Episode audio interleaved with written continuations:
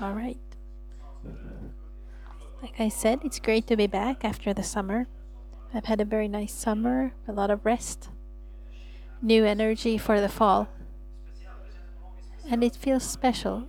We have a unique possibility as a church to reach the city. We never understand how much even one meeting with God can change a human human's life. So open your heart. I have a message that is uh, the last part of this series I am. And I think it can also be a, a roadmap something that um, that heightens our faith a truth that goes into our hearts and that gives us guidance uh, for this new year ahead. We've been talking about I am the seven I am statements of Jesus that he says in the in the gospels. During the summer we have been talking about these and they are all in the book of John the gospel of John I am the bread of life. I am the light of the world. I am the door. I am the good shepherd. I am the way, the truth, and the life. And I am the true vine. And today we will be talking about the last one. I am the resurrection and the life. It's in John 11, verse 25 to 26. Jesus says, I am the resurrection and the life. He who believes in me will live even though he dies and whoever lives and believes in me will never die. Do you believe this? And Jesus says this in a special place when it's about Lazarus. Lazarus, who is sick in a sickness, and he dies. And we will read this passage because this Bible passage is all, all usually quoted um, after somebody has died you mentioned this that Jesus is the resurrection and the life. And that's what it's about. He says that he has the power over death. But I think this, uh, um, the passage where it is, it, it wants to share even bigger truths into our lives if you read it. John, of all the different um, New Testament writers, John is the one who writes the most like the Old Testament.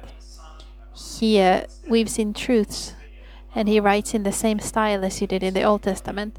So there's a lot to get out of the Gospel of John when you understand how he's writing. So let's read from John 11 1 and on what this really is about.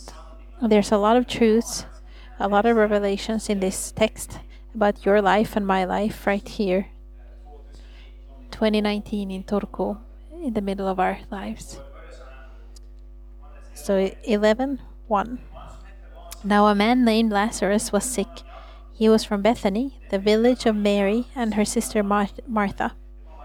This Mary, whose brother Lazarus now lay sick, was the same one who poured perfume on the Lord and wiped his feet with her hair. So the sisters sent word to Jesus, Lord, the one you love is sick. When he heard this, Jesus said, This sickness will not end in death no, it is for God's glory, so that God's Son may be glorified through it. Jesus loved Martha and her sister and Lazarus. And here comes the first point. Already in the beginning of this passage, it's a long story, it's 40 some, 46 verses. A long story in the Bible. A lot of stories are shorter. But already here, there's an important point. God's love and the brokenness of life are not opposites. So, what do we see here? God's love is mentioned twice in a very interesting way. It says that the sister sent word to Jesus, Lord, the one you love is sick. And then Jesus says his purpose this sickness is, is uh, uh, will not end in death. It is for God's glory, so that God's Son may be glorified through it. And then again, Jesus loved Martha and her sister and Lazarus. So this is exactly how you used to write in the Old Testament if they wanted to to mention something as very important. They would surround it. They would they would say something two times to lift out a point.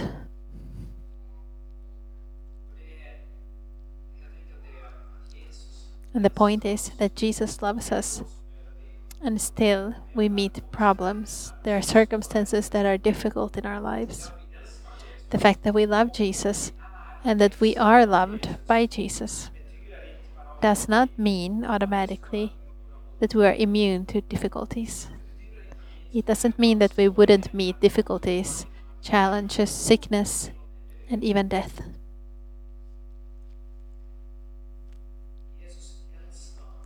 Jesus loved Lazarus, Mary, and Martha. It said, You can be honest and look into your hearts here, because somebody who uh, who thinks that becoming a Christian is a quick ticket to a problem-free life, that's wrong. Being a Christian mean, doesn't mean a problem-free life. Faith is the way to a, a life with God in the middle of a broken world. That He walks with us in the darkness not that he necessarily stops all the darkness from coming. There are two verses that says uh, that you where you see Jesus' love very strongly. Not very many times in the Bible it says that Jesus loved that person and that person, but here it says that Jesus loved Mary and Martha and Lazarus. And in the middle of these two statements of love.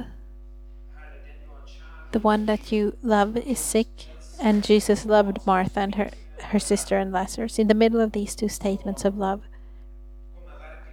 the reality comes the sickness, the difficulty, the challenge.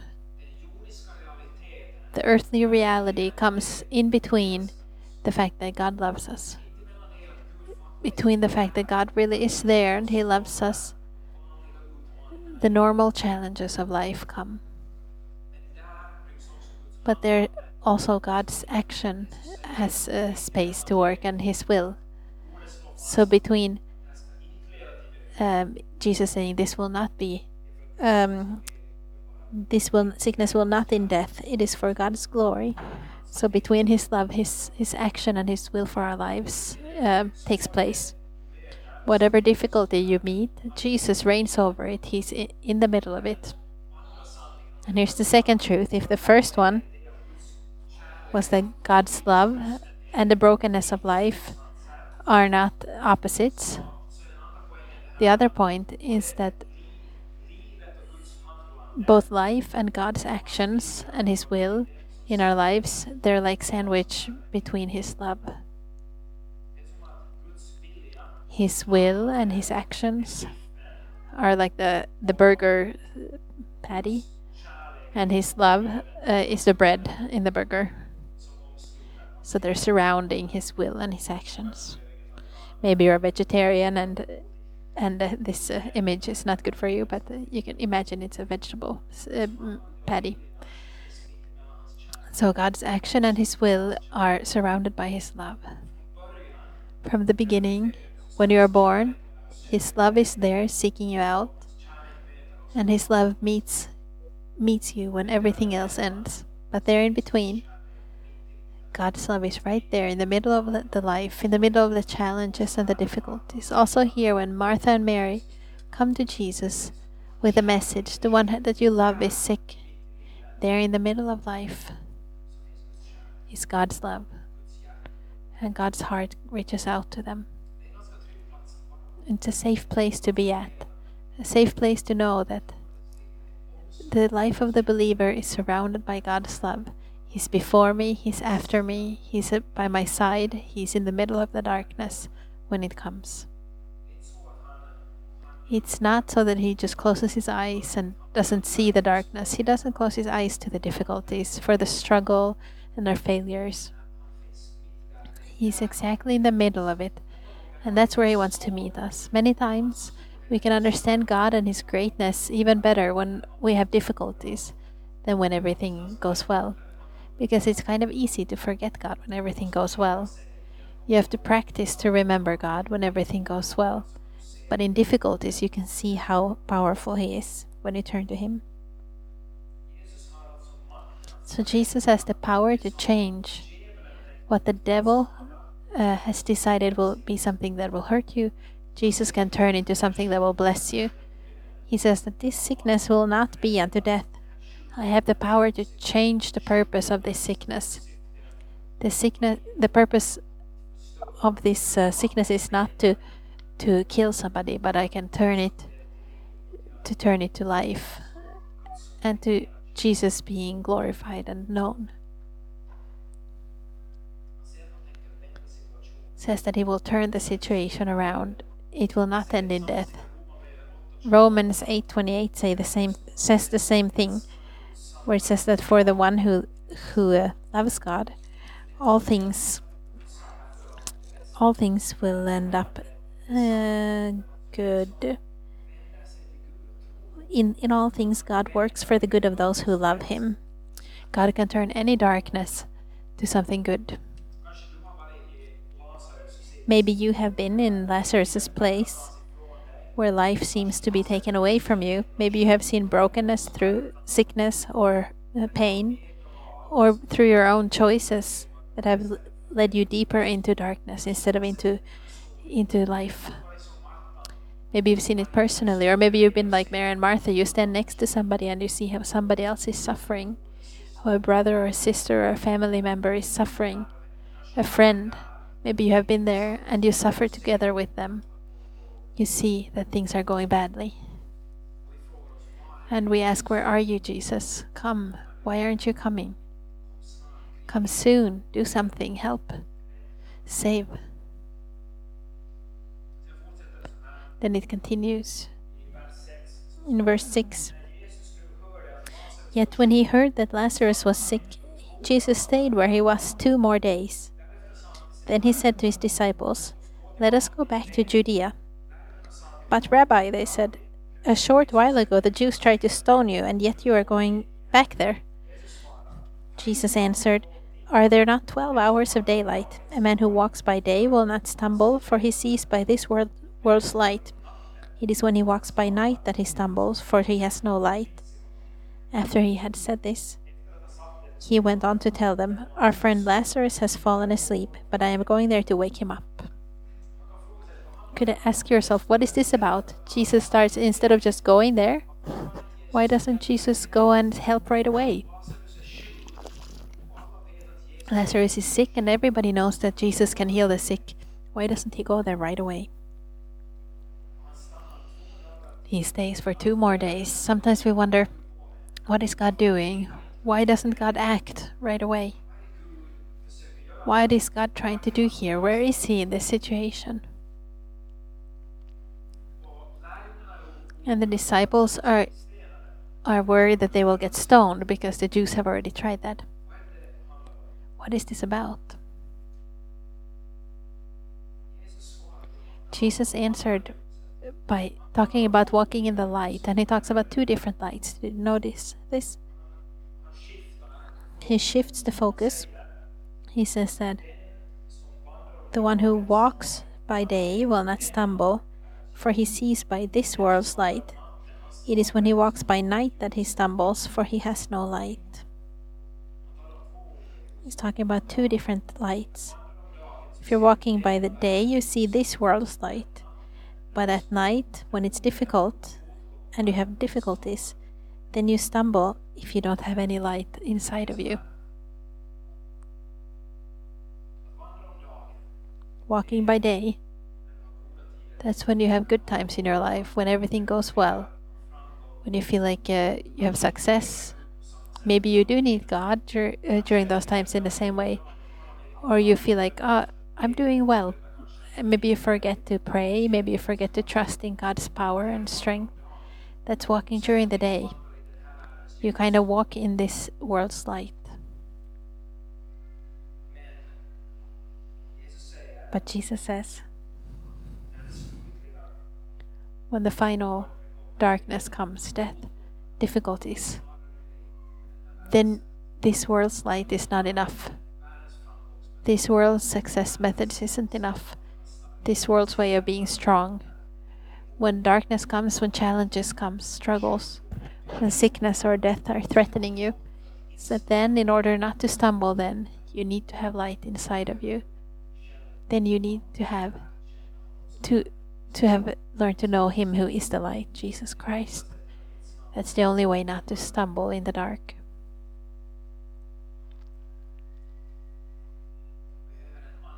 You need another source of light that is stronger than this world's light, than this world's success. And this is the third point Jesus' light in you can win over the darkness. Jesus' light in you is stronger than darkness.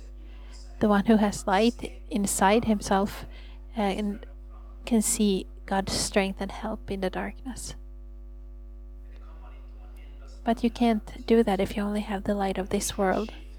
There has to be a, a shift where you don't anymore trust in the world's light, but you trust in the only thing that can help in the darkness is Jesus Christ, the one who says, I am the life, I am the resurrection.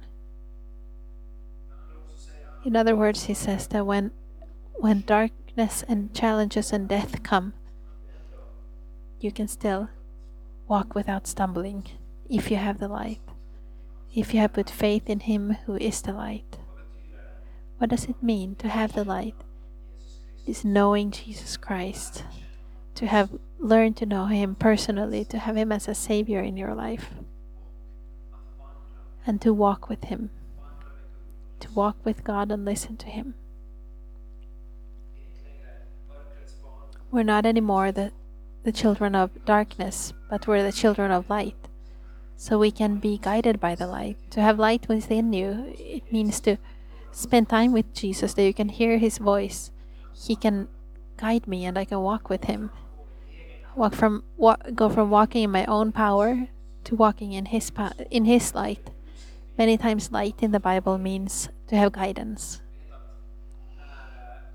You know, when the people of Israel walked in the darkness, what was it that guided them? No, they didn't walk in the darkness in the desert. I mean what was it that guided them? It was a pillar of a cloud in the a big cloud that walked in front of them in the day and a pillar of fire in the night. It was the light that was going ahead of them, leading them through the desert. If you know the light, Jesus Christ, He can also lead you. He can be the light that shines on your path, that shines on your way in the deepest darkness. He doesn't only want to be your savior when everything feels good, He also wants to be your savior in the darkest moments in your life.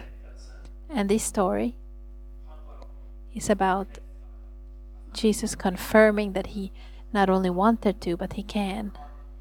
He can be your savior in the middle of the difficulties. That's where there's power. That's where life starts knowing Jesus, trusting Him, that's where the power is. It's not in ourselves. You can't just magically get some power and strength.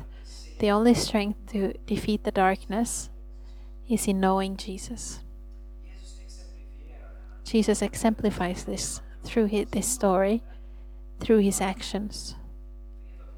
He knows that God wants to glorify himself and to make the kingdom of God known through Lazarus' situation. He doesn't only go there to heal Lazarus, because he knows that God wants to show him how he works in our lives. So he doesn't just run out there. He himself is led by God.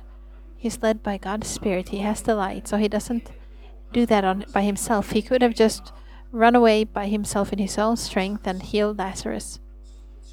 And then God's point maybe wouldn't have come. But now God wanted to show him something even greater. He wanted to show that Jesus Christ doesn't only have the power to heal the sick, but he has the power to raise the dead. He has the power over death. God wanted to show him something else. That's why Jesus stays for two more days. And he waits for those two days so that he would walk at the same pace as God. So when he talks about light and having light inside of you, he does it himself. He doesn't walk in his own strength, but he waits. And when God says go, he goes. He waits for two days, and then he walks when God gives him the signal in his in his heart and says, "Go to Lazarus." But he probably knows that Lazarus probably is already dead because he says, "Lazarus has fallen asleep, but I am going there to wake him up." And in the next passage from verse 12, he says it straight out. His disciples replied, Lord, if he sleeps, he will get better.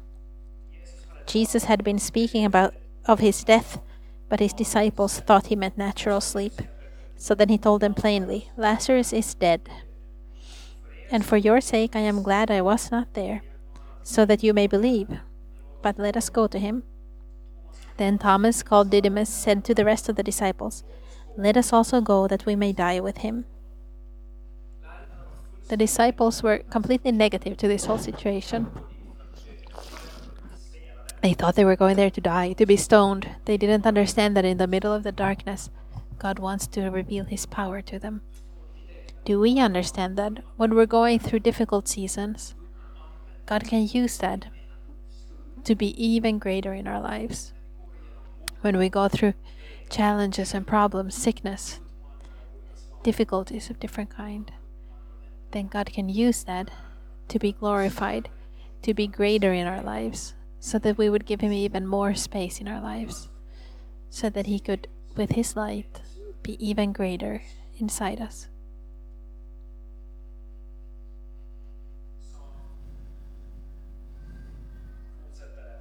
Then it continues from verse 17 and on. On his arrival, Jesus found that Lazarus had already been in the tomb for four days. Bethany was less than two miles from Jerusalem, and many Jews had come to Martha and Mary to comfort them in the loss of their brother. When Martha heard that Jesus was coming, she went out to meet him, but Mary stayed at home. Lord, Martha said to Jesus, if you had been here, my brother would not have died. But I know that even now God will give you whatever you ask. Jesus said to her, Your brother will rise again. Martha answered, I know he will rise again in the, resur- in the resurrection at the last day. Jesus said to her, I am the resurrection and the life. He who believes in me will live even though he dies, and whoever lives and believes in me will never die. Do you believe this? Yes, Lord, she told him. I believe that you are the Christ, the Son of God, who was to come into the world. So here it, it comes what Jesus wanted to reveal about himself. Martha has great faith, but at the same time, she thinks that the resurrection and restoration is far away. He says, Yes, I know. I know that he one day will rise. At the resurrection at the last day. She has an image of how it will work. One day, he will rise again. But Jesus wants to show something more. He wants to show that I am the resurrection and the life right now. He wants to show that he has power over life.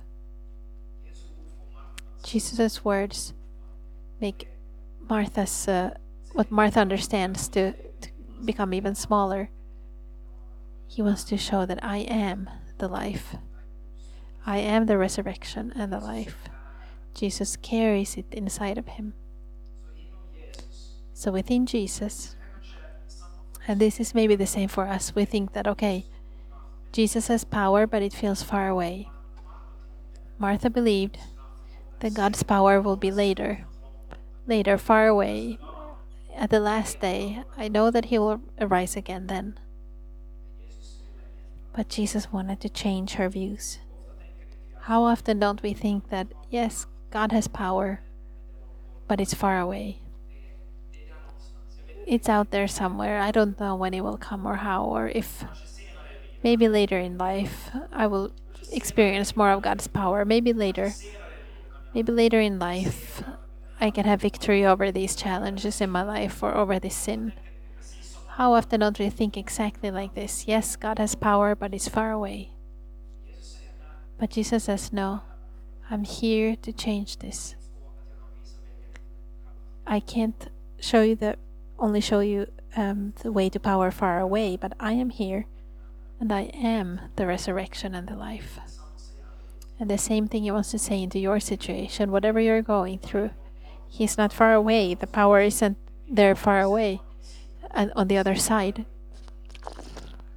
And he said, I am the life and I am here. I have power right here. And this is the shift that he tries to take the the disciples to that it's not just one day. Of course, we will die. Life is dangerous. Everybody dies. Life is so dangerous. We all die. So we don't. He doesn't deny that reality, but he says that I am the resurrection and the life, and even if you die, you will live. He says that even if death temporarily can end your earthly life, just wait a second, that's not the end. I have power over death. Jesus says, has power over death. Death and the darkness of life doesn't anymore have the last word because Jesus says, I am here and I am the life. Death is not the end destination. It's not anymore the ultimate uh, enemy. Death has lost its grip. And, and he says this about the thing that so many people are afraid of death, that life will end, and what will happen after death. Jesus says that he has the power to save every person, that what he does on the cross is strong enough that if you put your faith in him, he will raise you up from death, raise you up. He doesn't say that we won't face challenges. He doesn't say that some of us will die in sicknesses, maybe die too soon. All the time it happens. Even this summer, a dear church member from this church has moved to the Lord. She had cancer and we prayed for her for a long time. We prayed the whole year for her. And unfortunately, in this case, she moved uh, to the Lord in the beginning of the summer. And that's how it is. Life is broken. But she's already with the Lord. She's already home with God. Death is not the ultimate enemy. Because the moment a believer goes over the over that um, place, God is there with his power and she's risen. But Jesus wants to show us that in your situation here and now, I am the life. I want to say that this is also about everything that points to death in your life, everything that steals life from us, everything that destroys, everything that challenges the true life. Jesus says, You know what? I am life and I am resurrection. I can raise, raise you up. I can raise you up out of the difficulties. Even even if you're struggling with a sickness for a long time, I am the one who surrounds you there. I am with you when you're going through this.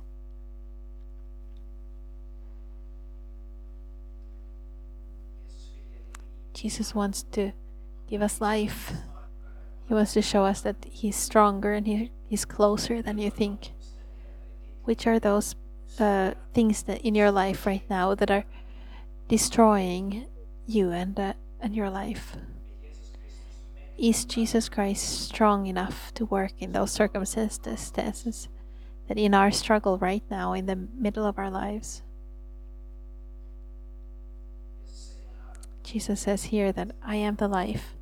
I can come in, I can be the Savior in those situations.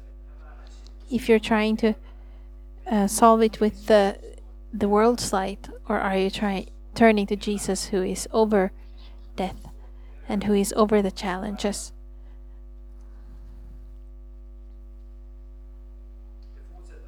then it continues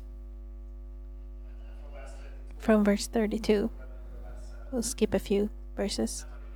When Mary reached the place where Jesus was and saw him, she fell at his feet and said, Lord, if you had been there, my brother would not have died.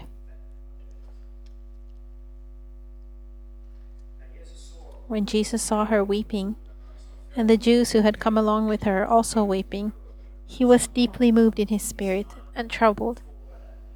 Where have you laid him? he asked. Come and see, Lord, they replied. Jesus wept. Then the Jews said, See how he loved him. But some of them said, Could not he who opened the eyes of the blind man have kept this man from dying? Do you notice what's happening here? First, Mary comes and says to Jesus, If you would have been here, my brother would not have died. And then the Jews come and they also say, Couldn't he who opened the eyes of the blind have kept this man from dying?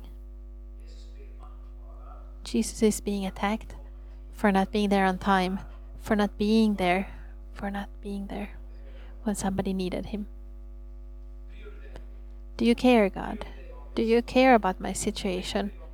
Do you care what we're going through here? That's what they're saying. Do you care, Jesus? And still, in the middle of this passage, we have the Bible's shortest verse and a proof of how Jesus' uh, heart goes out to those who are suffering.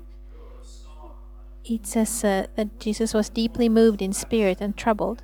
And then the shortest verse in the Bible is verse 35 Jesus wept.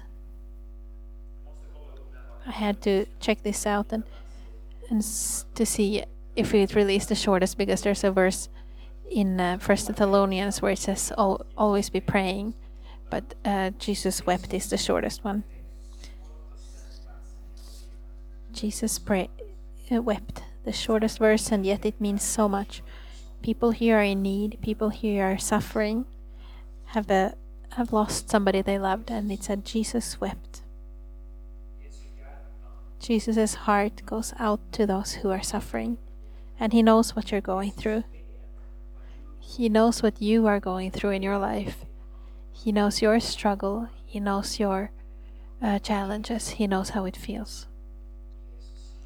And Jesus is weeping together with you when you're going through this. So many times we're telling God that He's not there. So easy to think, God, why didn't you do anything? But Jesus' heart goes out to us, and He knows what He wants to do, and He is waiting. Uh, will we turn to Him and trust in His life, not in this world's light? Jesus never turns his eyes away from your pain. Jesus never closes his eyes to your struggle, but he cares for you.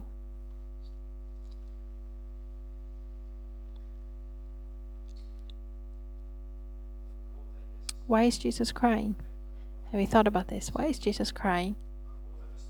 He, of course, he's, he's crying because his friend has died, but I think he also is crying because he sees and he feels the pain that sin and darkness and the devil and the world's brokenness has created in this world. He feels the pain that it gives people to live in darkness. And he wants to change that. His heart goes out to people. He wants to change the situation. His heart breaks when he sees death, when he sees people's life being taken from them when the devil comes and steals from people, steals from their lives, he suffers with us. And he longs to come and be the life and the resurrection in our lives. He says, I am the resurrection and the life. I have the power and I have the victory to stand against what can kill a person. And many times Jesus lifts up, Where's the road? How can I get in touch with this power? How, how Jesus can I meet you right now in my life? And this Bible passage talks about that. John 11:25 the verse where he talks about I am the resurrection and the life he says I am the resurrection and the life. He who believes in me will live even though he dies. And whoever lives and believes in me will never die. Do you believe this? So, this is how John is writing it through repeating things. Both Jesus and John, the Gospel of John, does this. Whoever believes whoever believes. Do you believe this? There's only one way to experience Jesus as resurrection and the life, and that's faith. And what is faith? Faith is trusting in somebody else, putting your trust in somebody, saying, I trust in you. I trust in you, not in my own power, but I take a step and I trust in you, in your help. That's faith. Faith has a, a wonderful power to change. I trust you, so I open myself to you. I ask for your help. I dare to receive your help, and I don't try to do it by myself.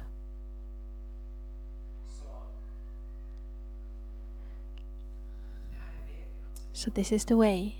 And he says, Have faith, believe, take a step towards me. See what Jesus does next. He explains something about what faith means practically. From verse 38, he says, Jesus, once more deeply moved, came to the tomb. It was a cave with a stone laid across the entrance. Take away the stone, he said. But Lord, said Martha, the sister of the dead man, by this time there is a bad odor, for he has been there four days. So here Jesus explains something about faith. Jesus says, Take away the stone. And Martha has said, only a little bit earlier, Martha has said, I believe. Right? When when Jesus says, Do you believe this? Martha answered, I believe. I believe that he will rise again on the last day, and I believe you are the Christ, the Son of the living God. And now Jesus says, Take away the stone, and Martha answers, But Lord, he's already smelling. It's the fourth day. Do you notice? If you trust, if you have faith, what do you do? You follow the one that you believe in. If you believe in Jesus, you dare to take a step in faith when He says so. When Jesus rises from the grave, who moves the stone? When Jesus has died and, and and rises from the dead, who moves the stone, the angels, right, from heaven. Why don't they do it now? Why can't Jesus just move the stone? Why doesn't he even help them move the stone? Why doesn't he say, Come on, let help me out, let's all move the stone? Why doesn't he do that? Because he wants to teach them faith.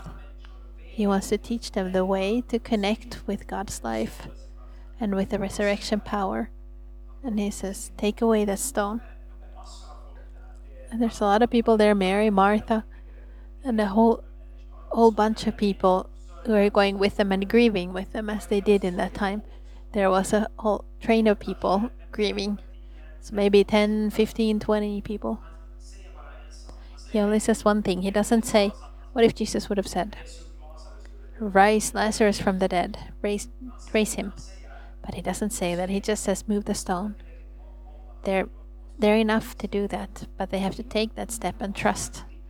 They have to take a small step. What's harder, moving the stone with 20 people or raising Lazarus from the dead? Of course, it's harder to raise Lazarus from the dead. That's what why Jesus is asking them to take a simple step, a step in faith to say, I believe in what you're saying. You are the resurrection and the life.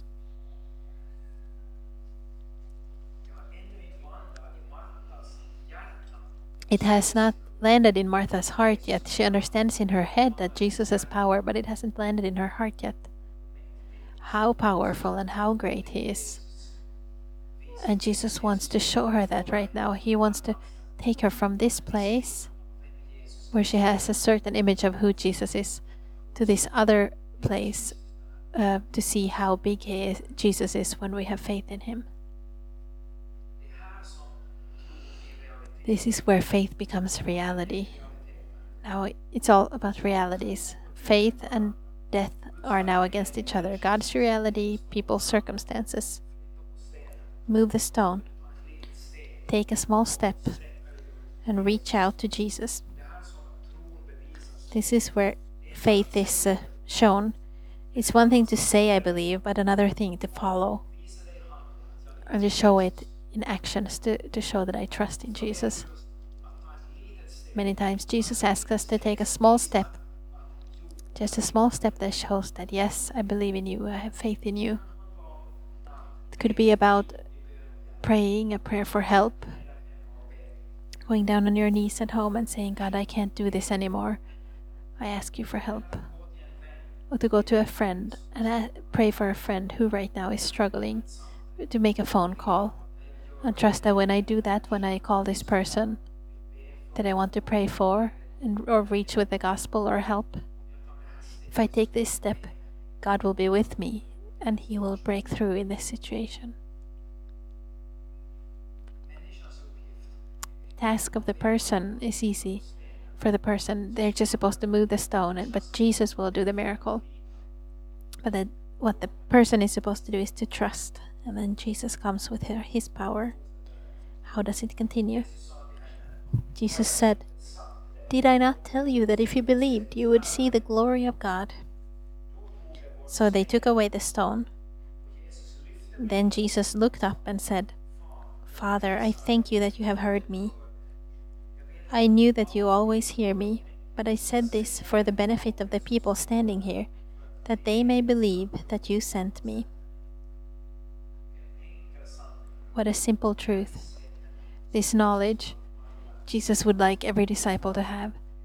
The Father, the Father always hears me wherever you are, whether you're on the bottom uh, or if you're in the middle of the way in the day and everything is going well that the Father always hears me. That's walking in the light and having the light inside you, trusting Him, knowing that the Father always hears me. He's here, He's with me. He can take me through this.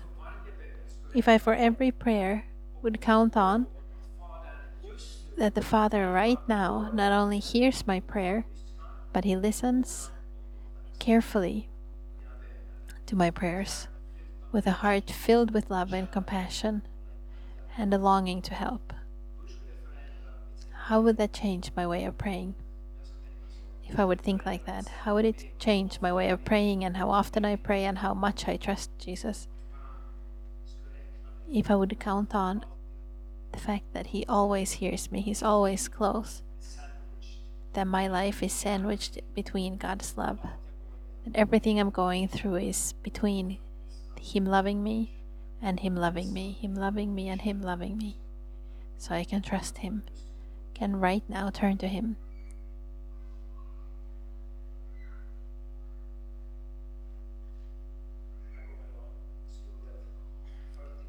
Here's the end, verse 43. When he had said this, Jesus called in a loud voice, Lazarus, come out. The dead man came out, his hands and feet wrapped with strips of linen and a cloth around his face. Jesus said to them, Take off the grave clothes and let him go.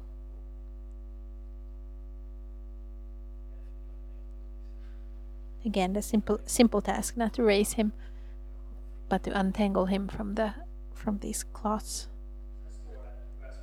And then in verse 45, therefore many of the Jews who had come to visit Mary and had seen what Jesus did put their faith in him. Many of these put their faith in him. God became greater in his in their lives. Jesus' power was revealed. He has power not just to heal the sick, but he has power over death. And everyone who believes in him will share in that power. He is the life he shows his salvation power, but he also shows in so many ways in this story that in the middle of your life, in the middle of your darkness, he wants to surround you with his love and he wants to be the life and the resurrection. I had an interesting proof about how this works on Friday. Last Thursday, I tried to write a sermon here on the office. He, I knew the text I was going to preach about, so it wasn't that difficult. But a lot of things happened on Thursday. I got distracted. Uh, one of our cars uh, broke. A lot of people were calling me, and one thing and another thing I had to do. So I didn't get a single word written on Thursday. it was just a disaster of a day from what my purpose was to write the sermon that day. So my free day on Friday, I had to write the sermon on. We were going out to our summer cottage, so I went with Miriam to Ekenäs. And then I thought, okay, I'll go sit on a cafe and write the sermon there. So then I walked around a little bit in Ekenäs praying before I went to the coffee shop. And it was great to see my hometown and pray for my hometown. And I was praying out loud in tongues, no, quietly, quietly in tongues in my head. And uh, I was praying that God would help me with the sermon when I, am sitting there at some cafe. So then I go to the cafe and I sit down and then I pray a simple prayer. I say, God, now I'm here and I ask you for help with the sermon. But if there's something else you want to use me to for, I am available. Do whatever you want. I'm here. And I started writing, and it's maybe 10 o'clock in the morning. And I was sitting there for three three hours in, at the cafe and writing the sermon. And then I think when it's a little bit before one, okay, I'm gonna go eat lunch to a different place now. So I started packing up my stuff, and then an older woman comes and asks in Finnish, "Could I sit here?" It's more comfortable here. I can't sit on those stools um, over there. And I said, "For sure, sit down." And then I thought, okay, well, maybe this is somebody who needs something. And we just sit for a little while together talking, and then he, she starts talking about how she has anxiety every day. She says that she has so many times been embarrassed and done so many bad things in her life. And then I reach out to her and I said, Welcome to the club. I have also embarrassed myself so many times. And she already then knew that I was a pastor. I had asked she had asked what I do. And she took my hand and she said, have you? Have you really done embarrassing things and wrong things? And i said more than you could understand. I have done it so many times. And we talk for a while and then she says i have anxiety every morning when i get up. And she she explained why and so on. And i said and i just got some the courage to speak into her life. And i said you know what? Jesus loves you and he she has he has already forgiven everything you have done. He did that on the cross. He already he has already forgiven you and he loves you. And she's a little teary-eyed and she says, "Do you really believe that?" I said, "Yes, he believes he loves you." And I asked if I could pray for her. And there at the cafe, there's people around and even in Ekenäs there were others who spoke Finnish and I asked, "Could I pray for you? Could I take your hand and pray for you?" And then we prayed there at the cafe in Finnish among other people I pray that the anxiety would be gone from her life and never come away, come again, and that she would understand that Jesus loves her and has forgiven her. And then we switched phone numbers, and I said that my mother is also from Helsinki and she also speaks Finnish, so you could probably meet her sometime. And I give her mom my mom's phone number to her. Yesterday, an unknown number calls me, and I'm like, "Who is this? Uh, a salesperson on a Saturday?" So I answer, and it's this lady from Friday who calls me and asks me how I'm doing. And she says, You know what? She's stumbling over her words and can't find the words. And then she says, You are an anxiety remover. After you prayed yesterday, the anxiety is gone. Today I woke up and I didn't have any anxiety. Before 9 o'clock, I had heard it on so many things. And now I wonder what should I do with the rest of the day? I'm so alone. Before the it took the whole day just to do these normal things, so now I have nothing to do. She says, and then I tell her to go to church and encourage her to do that and to meet my mom. And this was to me a, just a proof that maybe there was a a purpose for my Thursday to be all messed up because God needed me to have me there on Friday on a cafe in Ekenäs where one person has anxiety.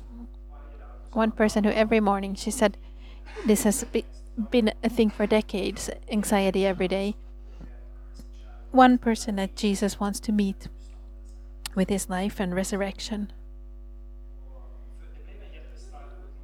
And it was a strong encouragement to me because this doesn't happen every day to me. I don't even every day remember to ask God to use me. But God is greater than that.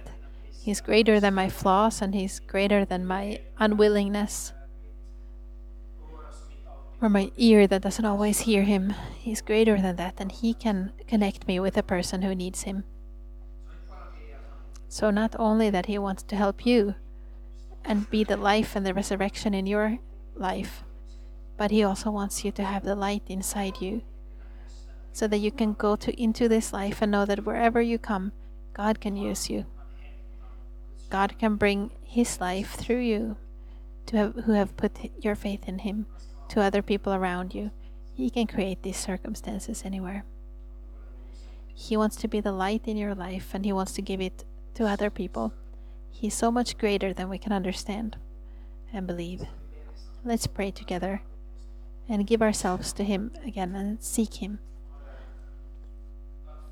Father, thank you for your greatness and your goodness. Thank you that you show us through your life and through Jesus' life how great you are, that you have power over uh, circumstances and situations. Thank you, Father, that right now you can come with your life into our circumstances. Father, you know what we're going through, you know what we're struggling with, where we are right now. And I just pray, come, Lord. Holy Spirit, come and do your work. If there's somebody who especially wants prayer, then you can put out put up your hand and I will pray for all of you who are putting your hand up. If you're going through a dark period or difficulties, let's pray for you. You can put your hand up if you feel that way. Father, you see all the ones who have their hand up.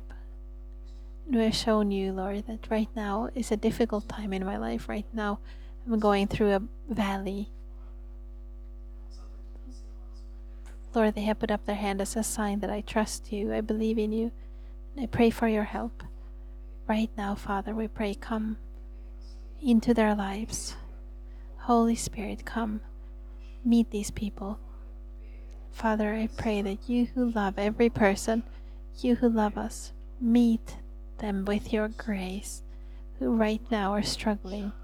I pray that your love would fill them, that darkness would go away, that you would heal sickness, that you would come with clarity and surety into their lives, with peace into these people's lives. Holy Spirit, do your work. Thank you that you are good. Thank you that you are great. Let's sit, sing some worship, and if you want prayer, whether you put your hand up or not, everybody is welcome to prayer. So, Annika will be there in the back, and me and Anton will be here on the front. So come to work to prayer if you feel like it. Otherwise, you can just worship and seek God during these last few songs. And let's focus on who Jesus is and how great He is.